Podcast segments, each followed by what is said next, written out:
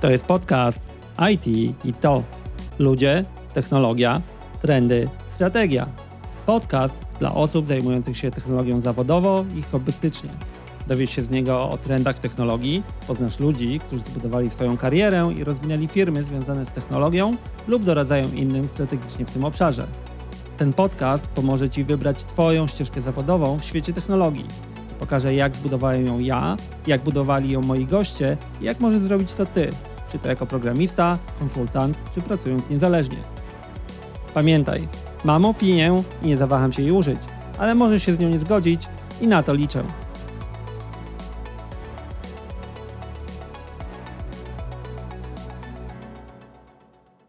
Witaj w kolejnym odcinku podcastu IT to. Ja nazywam się Tomek Onyszko, na co dzień jestem założycielem i CTO w firmie Predika. W tym podcaście opowiadam o trendach w technologii, strategiach i karierze w technologii na przykładzie swoim i moich gości. Więcej o mnie znajdziesz w notatkach do tego odcinka, a linki do poprzednich odcinków znajdziesz na stronie podcastu, jak i w swojej ulubionej aplikacji do podcastów. Ten odcinek jest odcinkiem solowym. Nie mam dla Ciebie gościa, ale opowiem Ci o wybranym zagadnieniu związanym z trendami technologicznymi, wydarzeniami lub osobami z mojego punktu widzenia. Dzisiaj postanowiłem wziąć na tapetę temat sieci, prywatności w niej i związanych z tym wyzwań. Opowiem Ci też, jakie trendy w przyszłości mogą nam pomóc rozwiązać te wyzwania.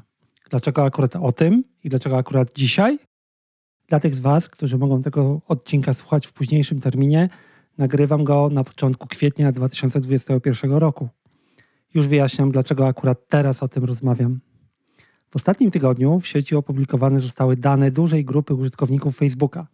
Ktokolwiek uzyskał do nich dostęp, jak się okazuje już w 2019 roku, postanowił opublikować je w sieci w sposób dostępny dla każdego właśnie w ten weekend. Jeden z nich zawiera dane około 550 milionów użytkowników, a drugi około 440 milionów użytkowników Facebooka. Szacuje się, że pliki te zawierają dane około 20% użytkowników tej usługi w okresie, kiedy wyciek nastąpił. Dużo. Brzmi strasznie, ale podejdźmy do tego metodycznie. W kolejnych kilkunastu minutach tego odcinka postaram się w przystępny sposób odpowiedzieć na kilka pytań. Pierwsze, jakie dane wyciekły i co to znaczy dla Ciebie? Drugie, dlaczego takie wycieki się zdarzają i jak podejść do tego, aby ich wpływ na Twoje życie był jak najmniejszy. Trzecie, dlaczego ja przestałem korzystać z tych serwisów i dlaczego nie umieszczam tam już od dawna żadnych danych osobistych czy prywatnych informacji. A na końcu spojrzymy, jakie trendy w przyszłości pozwolą nam zabezpieczyć swoje dane w lepszy sposób i sprawować nad nimi kontrolę. Dużo do opowiedzenia, więc zaczynajmy. Zacznijmy od tego, co może interesować Cię najbardziej w jak najkrótszym terminie. Jakie dane wyciekły i co to znaczy dla Ciebie? Dane, jakie wyciekły z Facebooka w tym ostatnim tygodniu, to dane identyfikujące osobę, czyli m.in. imię i nazwisko, miejsce zamieszkania, miejsce pracy, data urodzenia i dwa elementy chyba najbardziej istotne praktycznie, czyli adres e-mail oraz numer telefonu. Nie każdy zestaw danych był tak pełny. Czasami dane, które są dostępne o danej osobie, zawierają tylko część tych informacji. Nic nie wskazuje na to, żeby wyciekły dane typu hasło, więc Twoje konto, o ile posiadasz je w tym serwisie, w zasadzie jest bezpieczne. Nie zaszkodzi jednak przyjrzeć się temu, czy masz odpowiednio silne hasło i czy masz włączony mechanizm Multifactor Authentication. To nigdy nie zaszkodzi. Sprawdź, jeżeli nie masz, włącz. Jak możesz sprawdzić, czy Twój e-mail lub numer telefonu znalazł się w tym lub innych wyciekach danych? To akurat proste. Wejdź na stronę haveibeenpound.com. Link do niej znajdziesz w notatkach do odcinka wpisz swój e-mail lub numer telefonu i sprawdź. Ta strona utrzymywana jest przez Troja Hunta, znanego w branży bezpieczeństwa eksperta, który ładuje wszystkie wycieki danych do swojej bazy danych właśnie w tym celu. Jeżeli zobaczysz tam na liście Facebook, to znaczy, że Twoje dane były w ostatnim wycieku i ktoś mógł wejść w posiadanie Twojego numeru telefonu, Twojego adresu e-mail i innych danych, które Cię identyfikują. Przy okazji, jeżeli zobaczysz inne konta, dla swojego dobra idź i zmień hasło w tych serwisach to może okazać, że to hasło kiedyś wyciekło. Teraz, co to znaczy, że te dane wyciekły? Czy musisz wyrzucić swój telefon i zamknąć konto e-mail? Na szczęście nie musisz nie robić nic tak drastycznego. To znaczy, że niestety musisz liczyć się z dwoma rzeczami. Ta mniej groźna, będziesz otrzymywał więcej spamu, czy to w formie e-mail, czy też w formie SMS. To da się przeżyć, ale nie jest miłe. Pamiętaj jednak, że część tego spamu to będą wiadomości, które będą próbowały Cię nakłonić do kliknięcia w link czy podanie swoich danych do innych serwisów. Taka jest teraz natura sieci. Ponieważ w danych tych wyciekły też dodatkowe informacje, wiadomości te mogą być bardziej spersonalizowane. Na przykład mogą to być życzenia urodzinowe od kogoś z Azji. Druga ma trochę poważniejsze konsekwencje. W wielu miejscach dostęp do naszych danych lub usług nadal się opiera o mechanizm KYC, czyli Knowledge Check. W takim wypadku, posiadając takie dane jak numer telefonu i data urodzenia w połączeniu z danymi z innych wycieków, może się okazać, że uda się przejść weryfikację danej usługi i na przykład zmienić ustawienia Twojej usługi telefonu komórkowego e, lub innej usługi powiązanej z Twoim życiem. Jakie jest zagrożenie tutaj? Trudno określić. Wszystko zależy od kompletnego zestawu danych, jakie ktoś zebrał o tobie z różnych miejsc. Nie jest to wcale tak trudne, jakby się mogło wydawać. Dlatego, jeżeli to jest możliwe, unikaj usług, w których jedynym zabezpieczeniem jest mechanizm KYC, czyli Knowledge Check. Jako dobre źródło w tym zakresie odsyłam do artykułów Piotrka Konicznego i ekipy z Niebezpiecznika, przy okazji którą pozdrawiam. Linki do artykułów zamieszczę również w notatkach do odcinka. Jako ciekawostkę podam fakt, który wyciągnął Piotrek z Niebezpiecznika – że ponad 15 tysięcy osób z Polski w danych z wycieku z Facebooka jako miejsce pracy podało szlachta nie pracuje. Nie wiem, co to mówi o nas jako o narodzie, ale na pewno wywołało uśmiech na mojej twarzy. Skoro to już mamy ogarnięte, to krótko. Dlaczego takie wycieki się zdarzają? To akurat jest proste, ponieważ każde oprogramowanie ma błędy i tego nie unikniemy. Oprócz błędów w oprogramowaniu, które pozwalają wyciągnąć dane wprost z serwisu, czy to przez jakiś interfejs API przez niego udostępnianego, Często zdarzają się też błędy operacyjne ludzi. Co rozumiem tutaj jako błąd operacyjny? Na przykład zostawienie otwartego dostępu do bazy danych wystawionego do sieci lub zrzut bazy danych na usługę typu storage. Te błędy zdarzają się częściej niż by ci się wydawało. Z tego powodu wycieki danych będą się zdarzały i w zasadzie musisz założyć, że potencjalnie każda informacja, jaką przechowujesz w sieci, kiedyś może wyciec. Co prowadzi nas do kolejnego tematu, dlaczego ja przestałem korzystać z większości tego typu serwisów i dlaczego powinieneś uważać, co publikujesz w sieci, na portalach społecznościowych, czy też o czym rozmawiasz w aplikacjach social media czy komunikatorach. Moje powody, dla których przestałem korzystać z większości usług social media, w tym w szczególności spod brandu Facebooka, opisałem na blogu. Link do pełnego artykułu znajdziesz w notatkach do odcinka. Ale w moim wypadku, w telegraficznym skrócie, były to następujące powody. Po pierwsze, Praktyki firmy, jeżeli chodzi o podejście do prywatności i traktowania użytkownika portalu jako towar, zaczęły mi przeszkadzać. Musicie o tym pamiętać, że czy to na Facebooku, czy na Instagramie, to wy jesteście głównym towarem oferowanym innym użytkownikom i firmom w celu targetowania reklam. Z tego powodu te sieci stały się głównie miejscem sprzedaży reklam i sprzedaży towarów, przez co straciły dużą wartość, jaką dawały, jeżeli chodzi o kontakt z innymi osobami, czy nawiązywanie relacji z osobami znajdującymi się gdzieś dalej. To jest akurat moje osobiste podejście. Musisz sam wybrać, czy wartość wynikająca z tego, co uzyskujesz z sieci społecznościowej, przewyższa to, że jesteś obiektem targetowania reklam i ciągłej sprzedaży prowadzonej przez te sieci. Dla mnie szala przeszła za daleko, dlatego przestałem korzystać z Facebooka, Instagrama i podobnych usług. Ostatni i najważniejszy punkt powiązany jest z tematem wycieku danych, takim jak ten z Facebooka. Pamiętajcie, że każda informacja, jaką umieszczacie w, w social media, a przestaje być waszą własnością, albo tylko i wyłącznie waszą własnością, i b kiedyś może wyciec. Wszystko, co umieszczacie w portalach typu Facebook, Instagram, czy kiedy rozmawiacie przez Messengera, może kiedyś wyciec.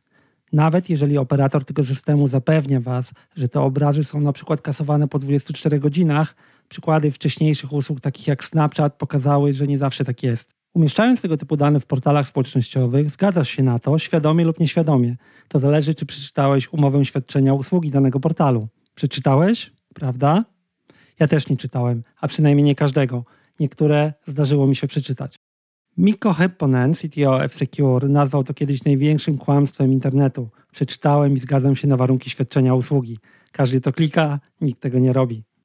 Tak więc pamiętaj, wszystko, co piszesz lub umieszczasz w social media, może kiedyś wyciec i być publicznie dostępne. Nigdy nie umieszczaj lub nie przesyłaj przez te media nawet w zamkniętych grupach nic, czego nie chciałbyś zobaczyć publicznie dostępnego lub zacytowanego w sieci. Nawet jeżeli nie robisz tam nic nielegalnego. Każdy ma swoją prywatność i masz prawo o nią zadbać. To jeżeli chodzi o teraz, o stan obecny. A czy jest coś, co może tą sytuację poprawić? Porozmawiajmy chwilę o trendach w tym zakresie i to nie tych najbliższych nawet, a czymś, co istnieje, już pojawia się, a za jakiś czas może okazać się rozwiązaniem na bolączkę dostępu do naszych danych i tego typu wycieków, jak ten ostatni z Facebooka. Tutaj pojawia się magiczne słowo krypto, ale nie będziemy rozmawiać o bitcoinach, Ethereum czy NFT. Co może rozwiązać problem dostępu do danych i ich wycieku z portali społecznościowych? Najprostszym sposobem na to jest to, żeby tych danych tam nie było i żeby kontrolę nad nimi miał użytkownik, a nie portal czy firma nim zarządzająca. W tej chwili social media działają na zasadzie sieci, gdzie punktem centralnym sieci jest usługa, czyli przykład Facebook, kontrolowana przez daną firmę czy osobę. Jako użytkownik przekazujesz dane pod kontrolę usługi, a usługa kontroluje kto i jak ma do nich dostęp na podstawie Twoich intencji wskazywanych przez Twoje kontakty i ustawienia oraz swoich algorytmów zarządzania danymi udostępniania ich innym użytkownikom. A czy dałoby się inaczej? Okazuje się, że dałoby się i już powoli mamy dostępną technologię, która pozwoli może w przyszłości zbudować inny model sieci społecznościowych, gdzie użytkownicy będą decydować, kto i jak ma dostęp do ich danych, które każdy z nas będzie przechowywał we własnym, nazwijmy to, magazynie. I tutaj na scenę wjeżdża na białym koniu właśnie kryptografia. Z czego składa się sieć społecznościowa? W dużym uproszczeniu z kilku prostych elementów: użytkowników, powiązań pomiędzy nimi, w końcu jest to sieć, i danych udostępnianych pomiędzy tymi użytkownikami. Rozwiązaniem na problemy z dużymi sieciami mogą być powstające już i działające sieci społecznościowe oparte o zdecentralizowany model i niezależne węzły obsługujące tego typu sieć. Ostatnim przykładem, o którym było trochę głośno, jest serwis o nazwie BitCloud. BitCloud to sieć społecznościowa, która przy okazji tworzy model inwestowania w poszczególne osoby w ramach Creators Economy. Tego typu przykładów jest jeszcze kilka z różnymi podejściami, ale to nie do końca jest ta technologia, na którą chciałem zwrócić Waszą uwagę. To, co według mnie będzie stanowiło podstawę przyszłych sieci społecznościowych, to podejście oparte o Decentralized Identity. O tym koncepcie możecie przeczytać na stronie Distributed Identity Foundation. Adres jest bardzo prosty: identity.foundation. Link oczywiście w notatkach.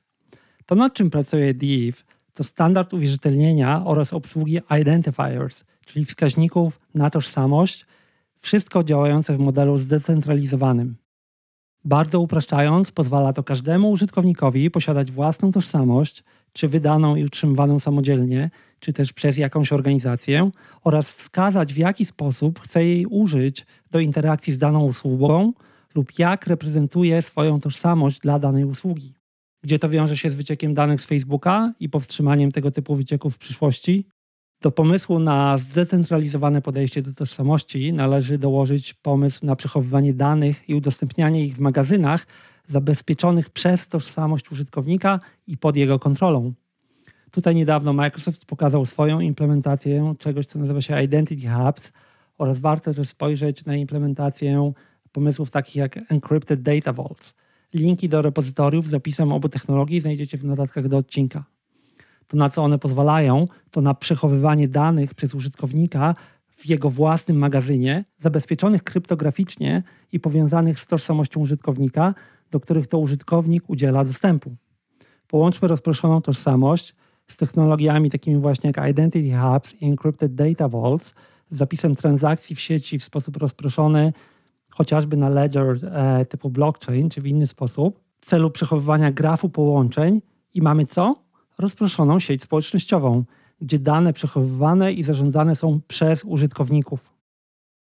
Nad nimi ustawiamy protokół wymiany tych informacji, ich udostępniania w celu stworzenia data feed i mamy to, co oferuje w tej chwili instytucje takie jak Facebook, ale bez centralnego punktu dostępu do tych danych czy ich monetyzowania.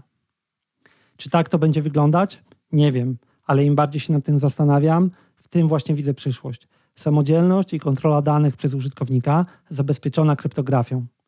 Oczywiście musi się nad tym pojawić kilka warstw pozwalających skorzystać z tego zwykłemu Kowalskiemu, żeby całość się rozpowszechniła i była łatwa w użyciu. Jak pokazuje ewolucja technologii, zawsze się to wydarzy, jeżeli pomysł ma sens. Odleciliśmy daleko w przyszłość, więc czas na podsumowanie tej części odcinka.